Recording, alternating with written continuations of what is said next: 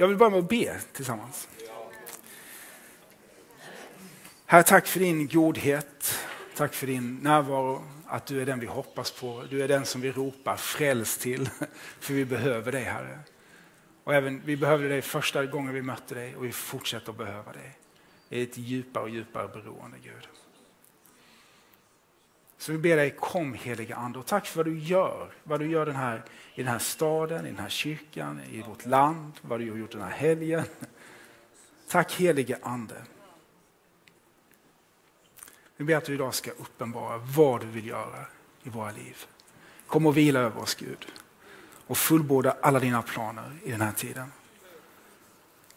Låt oss löpa våra lopp Herre och fullborda våra lopp tillsammans med dig. Och tack för den enorma glädjen att få leva med dig varenda sekund, varenda dag. För det finns ingen som du Herre. Vi är så tacksamma för att känna dig. Så visa vem du är och gjut din kärlek i våra hjärtan idag. I Jesu namn. Amen. Jag vill eh, dela lite, det är egentligen två delar. Det första är som en inledning som är kopplat lite till Hosianna. Eh, och det var så här i eh, första kvällsmötet när vi stod och lovsjöng. Det, här var lite, det är bara en liten kul detalj som hände. Så eh, upplevde jag att Gud sa läs Psaltaren 97. Så jag tänkte jag slog upp Psaltaren 97. Jag hade ingen tanke då på vad som stod i den. Jag, jag kan inte alla psaltarpsalmer, en del kan jag. eh, jag tänker efter så kanske jag hade vetat lite mer om den här. Men jag tänkte ingenting då. Och så började jag läsa och så var det någon som, jag behövde fixa en grej i teamet, gå och meddela en grej. Så jag gjorde det, så kom jag tillbaka. Så det det hänt något i lovsången, de har börjat sjunga något annat och jag stod och tänkte en del på något annat och sen började jag läsa igen, just det, jag skulle läsa.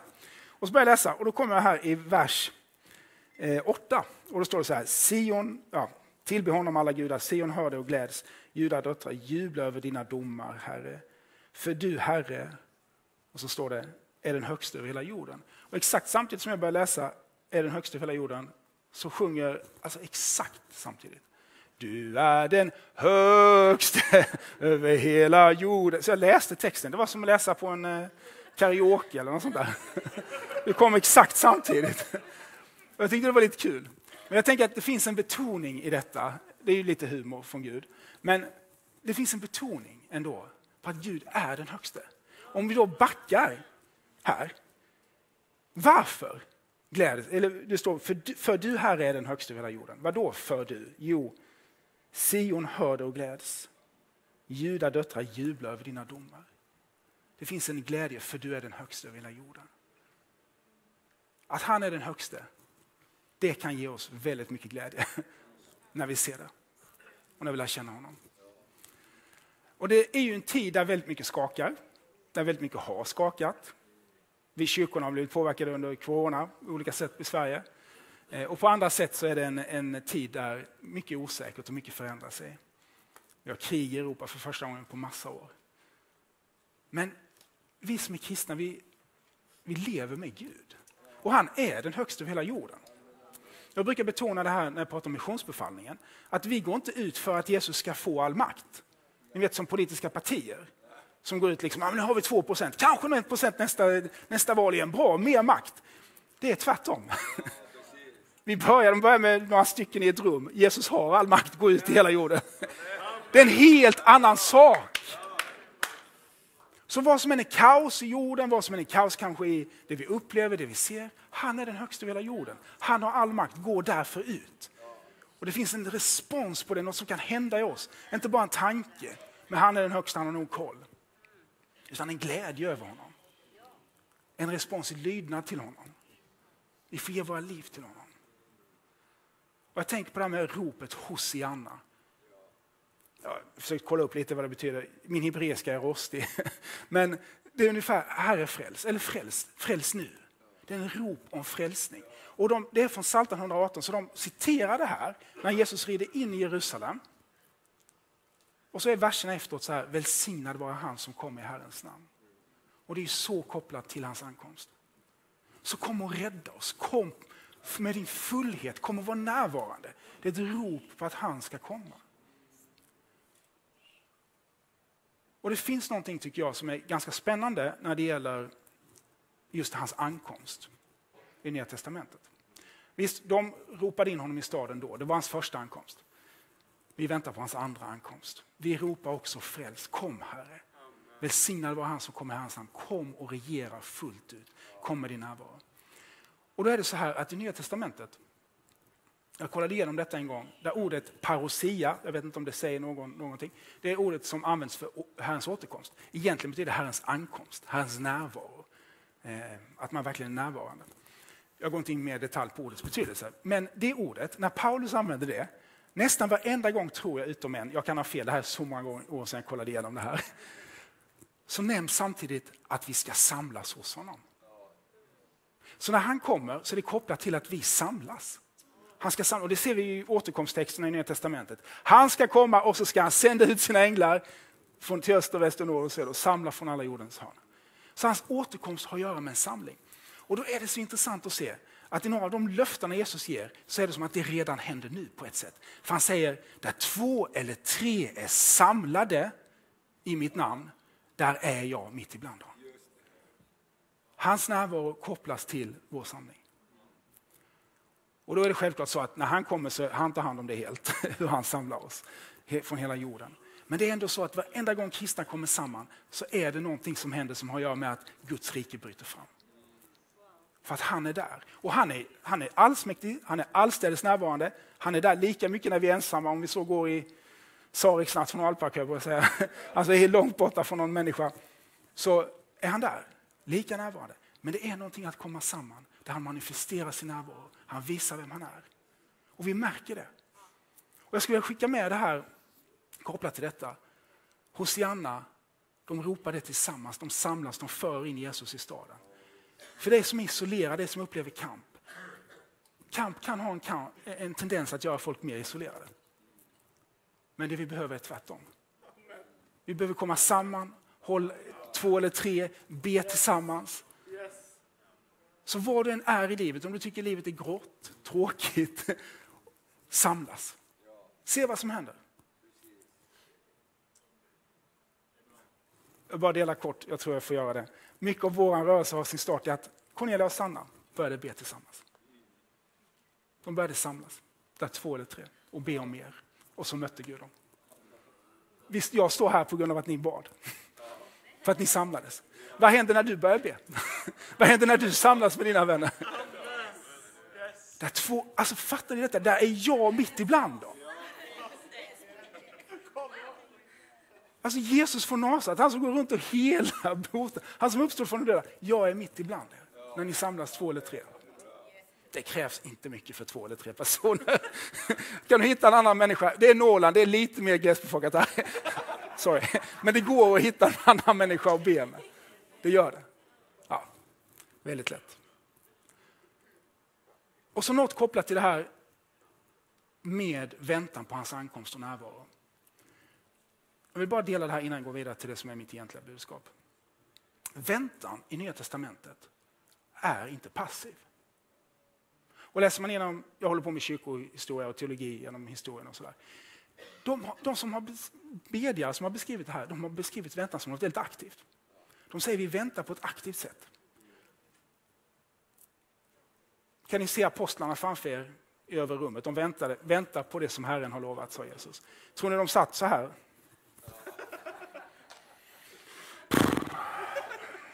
Som att vänta på en buss ungefär, på en tråkig busstation. Nej, jag tror inte det. De var i bön. Det står att de höll enriktigt ut i bön. Tillsammans, de samlades. De, de väntade. Så när du inte är där, när du inte upplever liksom att du har fått det här eh, tydligheten från Gud eller att du är i en situation där du fortfarande väntar på honom, du väntar på kraft, du väntar på ett genombrott. Uttryck vad ditt hjärta, vad du längtar efter.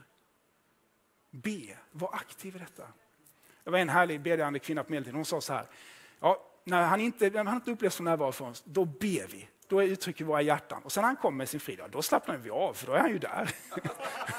och då menar inte hon att han inte var där innan, ungefär som att han är borta vid granen först och kommer hit. Nej, nej.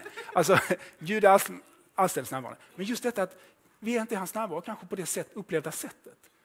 Låt oss be, uttrycka våra hjärtan. Och jag märker det här så ofta när vi när man börjar söka Gud, man börjar prata med honom, uttrycka sitt hjärta. Och skillnaden på vad är hans närvaro? Jag vet många gånger när man är i hans närvaro, man vill inte säga någonting nästan. Man vill bara vara. Ibland vill man säga jättemycket, absolut. Men ni vet, när han är där så relativt, han har den primära fokuset. Vi kan vila. Eh, och det kan vi absolut göra även när vi inte upplever hans närvaro. Men min poäng är, var aktiv i sökandet av honom.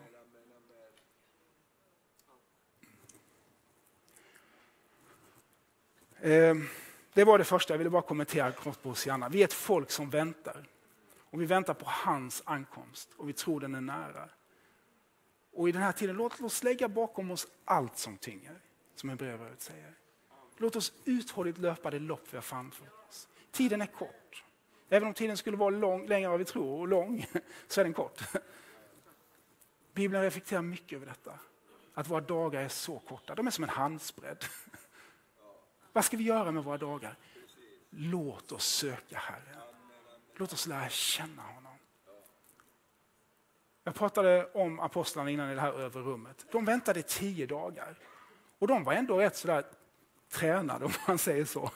De har varit ute och bett för sjuka och varit med Jesus i tre år.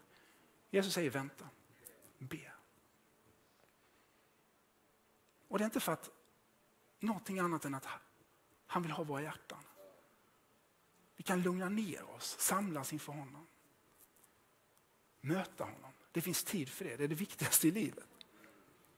Så i väntan på hans ankomst till jorden, hans andra återkomst, låt oss också vänta på honom här, i vad han vill göra i vår tid.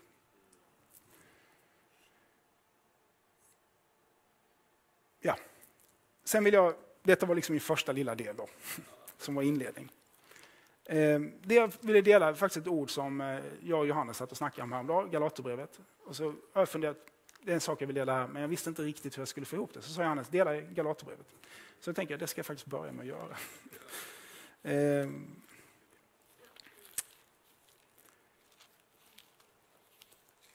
Och det är Galaterbrevet 4. 4.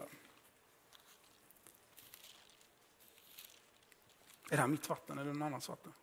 Det är mitt vatten. Wow. Tack. Eh, här summerar Paulus kort vad det kristna livet handlar om. Eller en summering av allt vad Gud gör för oss egentligen. Och då säger han så här. När tiden var inne sände Gud sin son. Åt det här med ankomst född av kvinna och ställd under lagen. För att friköpa dem som stod under lagen. För att vi skulle få söners rätt. Och två grejer där. Dels ordet vad vi skulle få, söners rätt. Det grekiska ordet är ett adoptionskap. Att bli adopterade. Och det är en legal grej. Han sändes, Jesus kom, för att vi skulle få rätten och inte bara rätten, vi skulle få adoptionsskapet ja, eh, givet åt oss. Vi blev adopterade. Inte under lagen, inte under andra makter, utan under Gud själv. Han är den vi är under, den högste. Han är vår far. Och så står det att Gud sände sin son. Och egentligen är det ett ord på grekiska som är lite så här, utsände sin son. Och det är en verbform som är vid ett tillfälle så här. Han sände sin son. Och när jag växte upp så beskrevs kristendomen i olika sammanhang som just att, vad är kristendomen egentligen? Ja, det är Gud har sänt sin son till oss. Och det är ju sant. Men det finns en sändning till. Som är lika viktig och som Paulus nämner i nästa vers. För där står det så här. Och eftersom ni är söner, alltså på grund av det Jesus har gjort, på den fulla återlösning han har gett, på grund av den här legala rätten, inte bara rätten men verkligheten, att vi är Guds barn adopterade av Gud på riktigt. På grund av att han har gjort det, eftersom ni är söner, har Gud sänt, och det är samma ord på grekiska, utsänt sin ande i samma verbform. Så det är som att Paulus här leker, om jag får använda det ordet, med, med två sändningar. Han säger första sändningen, sonen, andra sändningen, anden. In i våra hjärtan. Nej, förlåt. Gud har, sänt sin, har Gud sänt in i, i, våra hjärtan sin sons ande som ropar Abba far. Så den första sändningen är till jorden, den är till Jerusalem, den är till ja, vet, Nasaret, Betlehem, heliga landet, Egypten, lite sådär. Och så dog han och uppstod och så från Olivberget till himlen. Och där köpte han söndagsrätt. rätt. Den andra sändningen, var händer den? In i våra hjärtan. Och den är kopplad väldigt starkt till den första. För det är sonens ande. Som ropar Abba far, som gör verkligt det som sonen har köpt. Och vi behöver anden för att det här ska vara verkligt. Vi kan tänka, vi kan läsa Bibeln, det är jättebra att läsa Bibeln. Men vi behöver anden. Vi behöver verkligen anden för att det här ska bli levande. Och ordet gör det absolut levande för oss, men anden är Gud själv. Och han visar vem sonen är, vem fadern är och vilka vi är. För att han känner fadern, han är från fadern. Han kallas faderns ande, han kallas också sonens ande. Han känner båda väldigt bra. Han söker djupen i Gud. Han kommer till oss. Och i oss är det inte bara att han berättar för oss vem Jesus är. Det är inte bara att han säger, kolla här, Jesus och Fadern här. Utan han ropar i oss, Abba fader. Han gör oss till barn. Anden själv är i oss och ropar till Gud. Abba fader.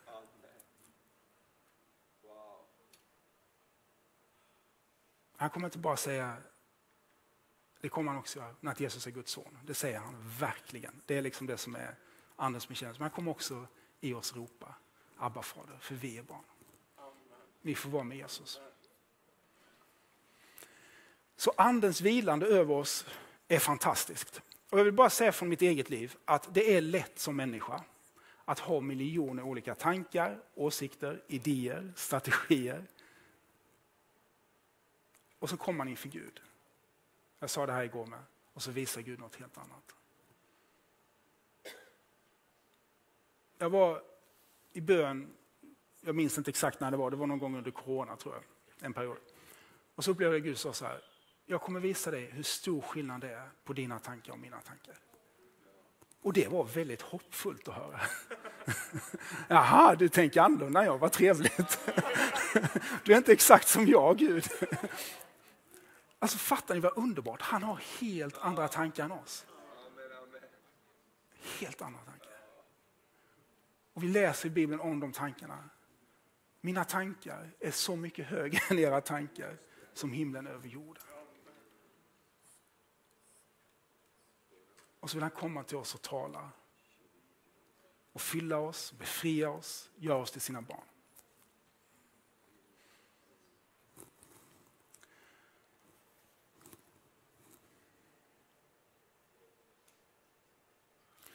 Jag vill avsluta med ett bibelställe eh, som är kopplat till att anden vilar.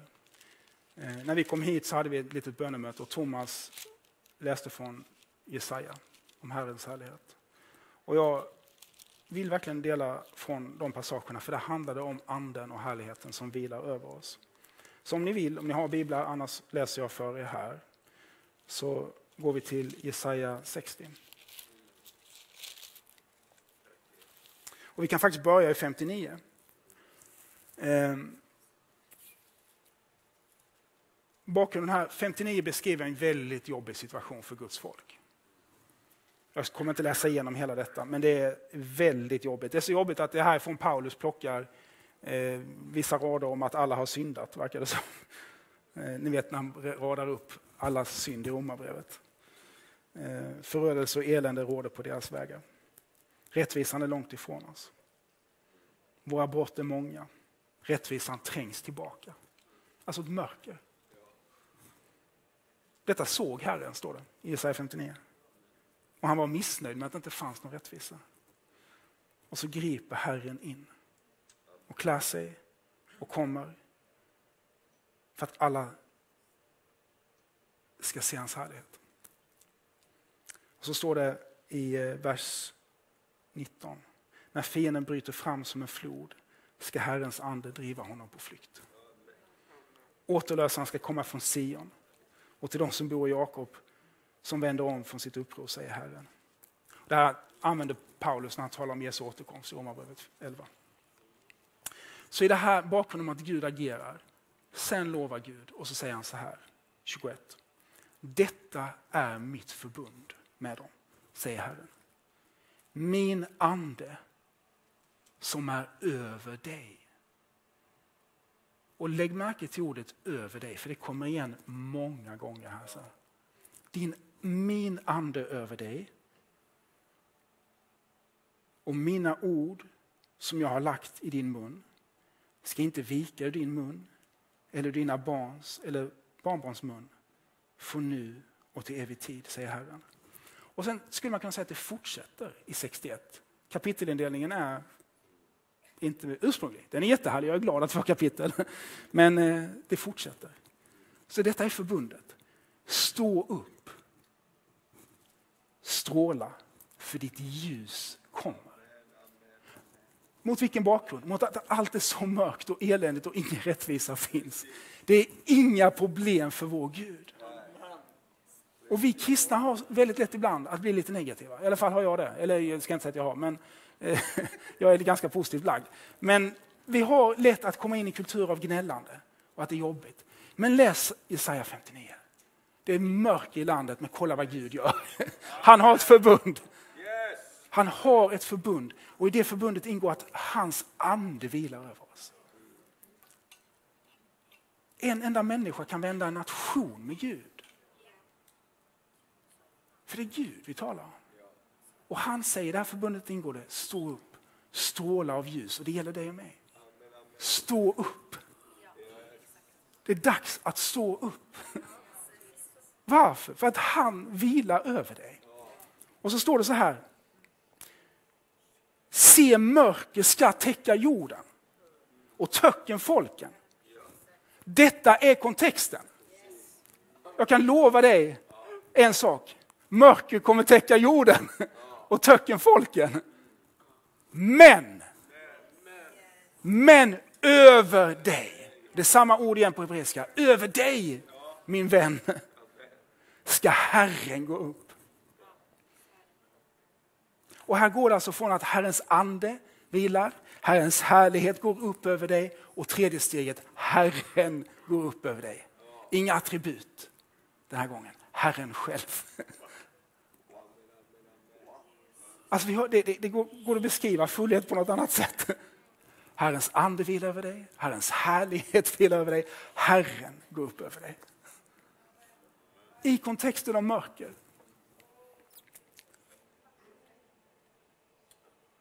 Och sen fortsätter det, men över dig ska Herren gå upp, hans härlighet uppenbaras över dig igen. Så det kopplas så tydligt till härligheten igen. Så det är rätt många över dig. Och så kommer ni hedna folk ska vandra i ditt ljus och kungar i glansen som går upp över dig. Allt utifrån situation av mörker. Ingen fanns som hjälpte, alla hade gått vilse. Men Herren agerar och Herren utgjuter sin ande. Det gör all skillnad. Från det kommer sen, och det får ni läsa om ni vill när ni kommer hem, kapitel 60 som helt vänder åt ett annat håll. Enorma löften. Enorma löften kommer. Jag ska ge guld istället för koppar, silver istället för järn. Koppar istället för trä och järn istället för sten. Jag ska sätta friden som din överhet, rättfärdigheten till din härskare. Det var helt fullt av löften för Guds folk. Och sen kommer Jesaja 61, återigen Herrens ande över mig. Han har smort mig att förkunna. Alltså det här är kapitel som handlar om att mörker förvandlas till ljus. Och det här är tillgängligt för oss. För det här är en del av nya förbundet. Han ger sin ande in i våra hjärtan, över dig och mig. Att vara kristen är att vara fylld av den heliga ande. Nu börjar min tid snart gå ut, men jag vill dela en kort grej till. Och det här är en kyrkohistorisk passus, ett inlägg. Mina vänner skrattar. Ehm, detta är från Ireneus som var typ två steg bort från apostlarna, undervisad av Polycarpus som var undervisad av Johannes aposteln. Han säger så här. Han säger så här, att Jesus är den smorde. På Messiah på hebreiska, Christos på grekiska. Kristus. Den smorde betyder det, alltså passivt, den som är smord. Och då frågar han sig så här, vad behövs det för att någon ska vara smord? Jo, det behövs tre saker. Det behövs någon som smörjer, något att smörja med och så någon som blir smord. Och så säger han, detta är Fadern som smörjer Sonen med den heliga Ande. Varenda gång du säger ordet Kristus så pekar du på treenigheten. Fader, Son, helige Ande. För du kan inte ha någon som är smord utan någon som smörjer, något att smörja med och någon som blir smord. Och vi, vi är inympade i det här. Jag är vinträdet, ni är grenarna. Han kom för att ge oss sönens rätt för att vi ska få del av hans ande. Att hans, hans far ska vara vår far. Och att hans ande ska vila över oss. De här löftena, alla löften gäller oss. Paulus, detta är Paulus sätt att läsa gamla testamentet. Allt som är skrivet är skrivet för er och till er uppmuntran som har tidernas slut inför sig. Det är så vi läser GT. Varenda löfte här gäller dig personligen. Herrens härlighet går upp över dig. Herren ska vila över dig. Så låt oss lägga av oss allt som tynger och uthålligt löpa vårt lopp. Vi kan be.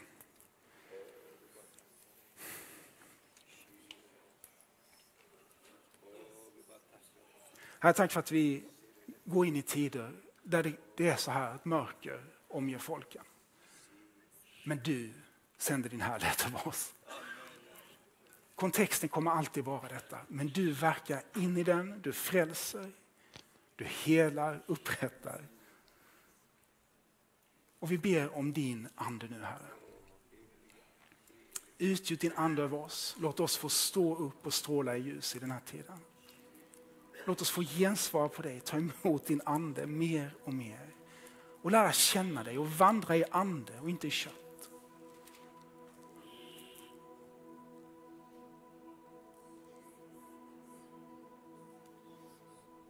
Jag skulle bara vilja göra en jättekort sak. Vi kan göra så här att vi blundar allihopa för respekt för varandra. Och så kan vi bara, jag har en sån enorm längtan om mer av det Gud har för mig. Mer av Guds ande. Men om det är någon som längtar efter det här också, mer av det anden har för oss. Så räck gärna handen så ber vi tillsammans för detta.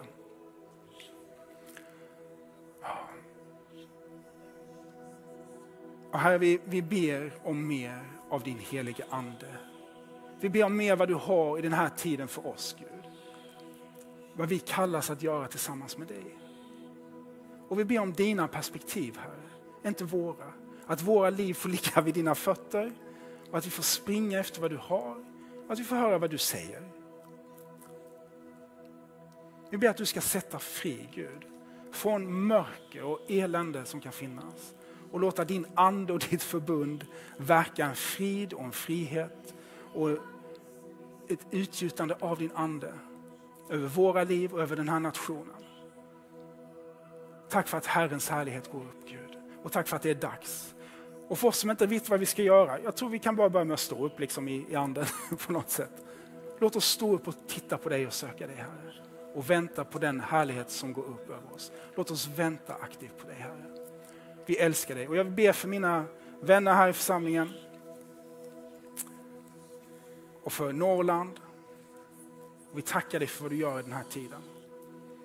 Tack för vad du gör Gud. Det är så otroligt.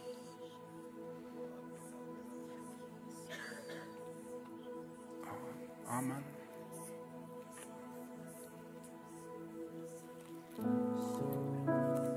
Ja, jag kan säga. Vi kommer ha vi kommer ha förbön nu också. Eh, har vi några ord? Nej. Vi kommer ha förbön och den här borta på sidan. Och du är varmt välkommen för vad du vill, stort som smått. Vi ber gärna för dig. Gud välsigne dig.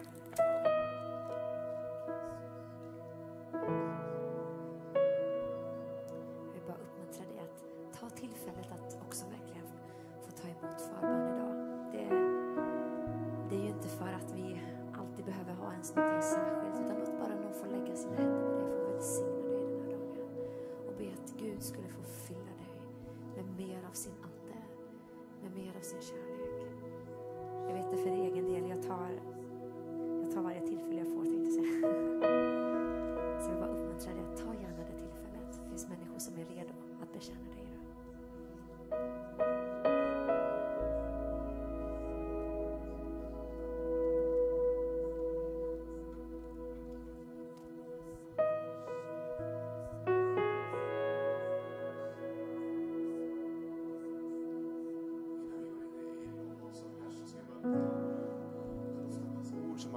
Till oss, som är som en hälsning. Så att är det så att du känner dig träffad så betyder det bara att Gud ser dig.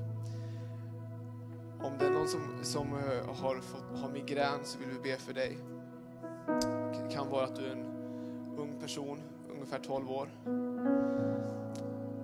Och eh, här är någon som, en annan, du, du är kanske här som jämför dig med andra. Du blir avundsjuk, det är inte Guds sätt, alltså svartsjuka.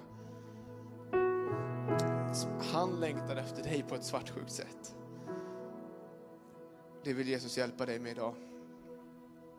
Och om det är någon som har, brukar ha problem med stämbanden i din hals så vill vi be för dig. Om du tappar rösten ibland, rösten som är så speciellt viktig för dig, vill vi be för dig. Sen har vi två böner, eller två kunskaper som till. Och det ena är att du kan finnas här, det kan vara flera som upplever att har ekonomiska eh, svåra situationer just nu och behöver Guds ingripande. Och det vill vi jättegärna be för. Och den andra är att Herren vill lossa bojor av ångest och, eh, och oro helt enkelt. Yes. Så hjärtligt välkomna. Vi kommer stå där borta några förebedjare. Missa inte chansen att möta Gud just nu.